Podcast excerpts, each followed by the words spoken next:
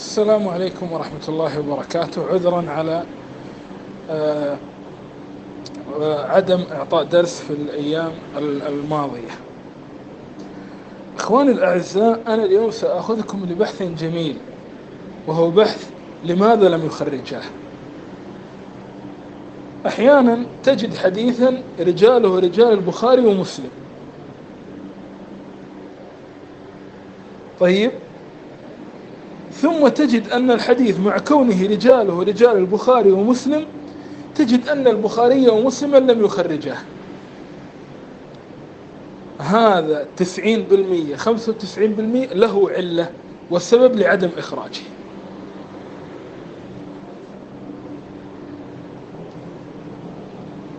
وإن شاء الله تعالى في المرة القادمة سأضع لكم بعض بعض بعض الأحاديث وأقول لكم هذا رجاله رجال مسلم لماذا لم يخرجه مسلم؟ يعني اذهب وابحث عن علة لماذا؟ أحيانا يكون أحد رواته يتردد أحيانا يكون معلولا. مثل الحديث الذي معنا نجد في السنة لابن أبي عاصم حديث من رواية عبيد الله العمري عن نافع عن ابن عمر. هذا من أصح الأسانيد وهو متكرر في البخاري ومسلم. عبيد الله العمري قرين للإمام مالك وهو عمري من نسل عمر بن الخطاب. يروي عن نافع عن جده عبد الله بن عمر.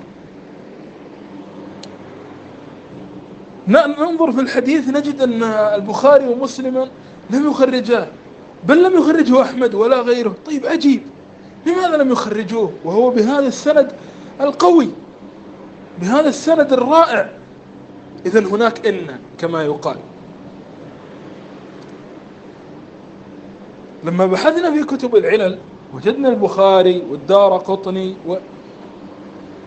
هذا تبحث في كتب العلل تذهب إلى كتب العلل سواء المرتبة منها موضوعيا مثل علل ابن أبي حاتم أو المرتبة بالمسانيد مثل علل للإمام الدار قطني. تبحث عن هذا الحديث. ما مشكلته. البيهقي كما قلت لكم آنفا يستوعب في كتابه الشعب وفي كتابه السنن الكبرى. في كتابه الشعب استوعب أحاديث الفضائل.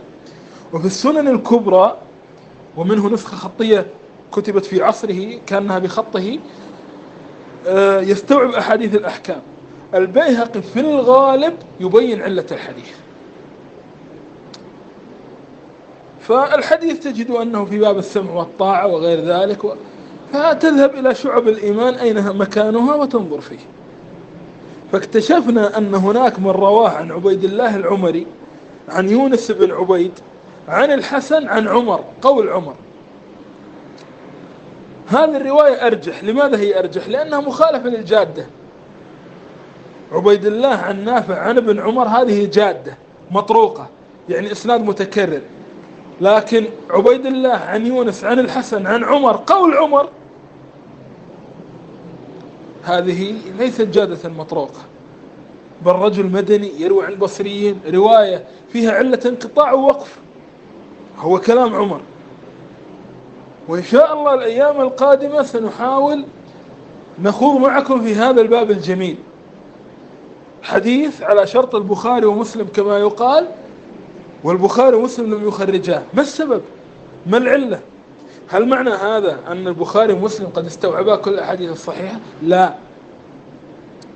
ولكنهما أوردا عامة الأحاديث التي على شرطهما التي رجالها موثقون عندهم ويخرجون له في الصحيح. فالبخاري مثلا يحتج بعبد الله بن محمد بن عقيل وبمحمد بن إسحاق وغيرهم ولكن لم يخرج لهم بالصحيح مراعاة للخلاف فيهم. مع أنه احتج بعبد الله بن محمد بن عقيل في خلق أفعال العباد واحتج بالإسحاق ودافع عنه في القراءة خلف الإمام ولم يخرج له في الصحيح لأنه في الصحيح هو يريد أن يورد أعلى ما عنده. طيب فهما ولكن بالسلاسل المشهورة تجد عامة الأحاديث المشهورة اللي لأنه كثير من المحدثين مر معنا كيف كان حفظهم؟ كان حفظهم حفظ رجال بمعنى أن مثلا حديث حماد عن ثابت عن أنس نقل لنا دفعة واحدة.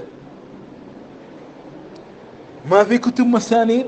مسند الحميدي مسند إسحاق مسند أحمد. يورد لك أحاديث أنس يورد لك أحاديث. فالبخاري ومسلم أصلا يأخذ هذه السلسلة المعتمدة وينظر إلى ما لم ما سلم منها من العلة ثم يجمع الأحاديث ثم يرتبها على الأبواب. يعني الآن ضع نفسك مكان البخاري فتأتي إلى السلاسل التي اعتمدها أهل العلم وعرفت وإلى الأوجه المحفوظة منها التي لم تعل. وعبيد الله العمري مثلا إذا روى حديث مرفوع للنبي صلى الله عليه وسلم محفوظا عنه دائما تجد إما يتابع أحد من أقرانه أو يرويه عنه عدد كبير من تلاميذه.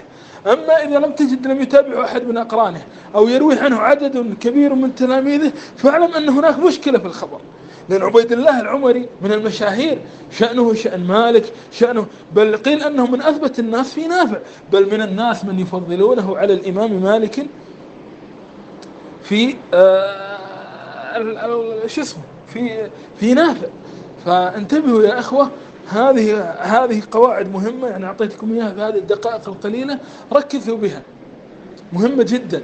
في الأيام القادمة سنبدأ نذكر نذكر لكم هذا حديث طيب ليش البخاري ومسلم لم يخرجاه؟ مع إنه رجالهما. لماذا لم يخرجاه؟ ممكن تقول لا لم يبلغهما. كيف لم يبلغهما؟ إذا في مسند أحمد أو في مسند إسحاق أو في مسند الحميدي أو في كتب ابن المديني أو أو. السنة كانت محصورة يا أخوتي.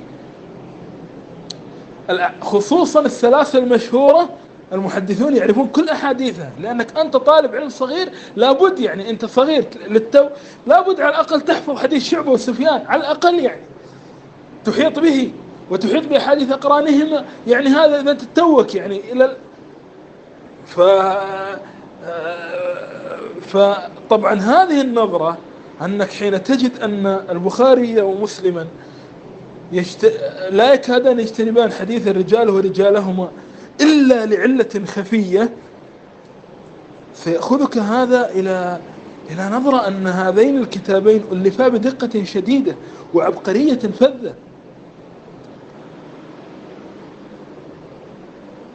لم يجتنبا حديثا على شرطهما. أكرر قد تكون هناك أحاديث خارج شرطهما والصحيح عند أهل العلم ولكن هم اجتنب السلسلة هذه كلها على بعضها اجتنباها لم يخرجا منها شيئا. مثلا البخاري لا يخرج أحاديث أبي الزبير. مسلم مسلم يخرج أحاديث أبي الزبير. وهكذا. أحيانا لا يخرج حديث أحد الرواة خصوصا مثلا الأسانيد الشامية يبتعدان عنها. لأن فيها يعني نوع من التفردات التي تخيفهم نوعا ما. ومع ذلك نجد أن الإمام أحمد رحمه الله وغيره يستدلون بمثل هذه الأحاديث. البخاري ومسلم هم جزء من عملية علمية واسعة جدا. وكما قلت لكم أن البخاري في بعض كتبه يحتج ببعض الرواة ويدافع عنهم بشراسة ثم تجده رحمة الله عليه في صحيحه لا يخرج لهم. لأنه في صحيحه أراد أن يقطع باب دابر الانتقاد قدر المستطاع. هذا وصلى اللهم على محمد وآله وصحبه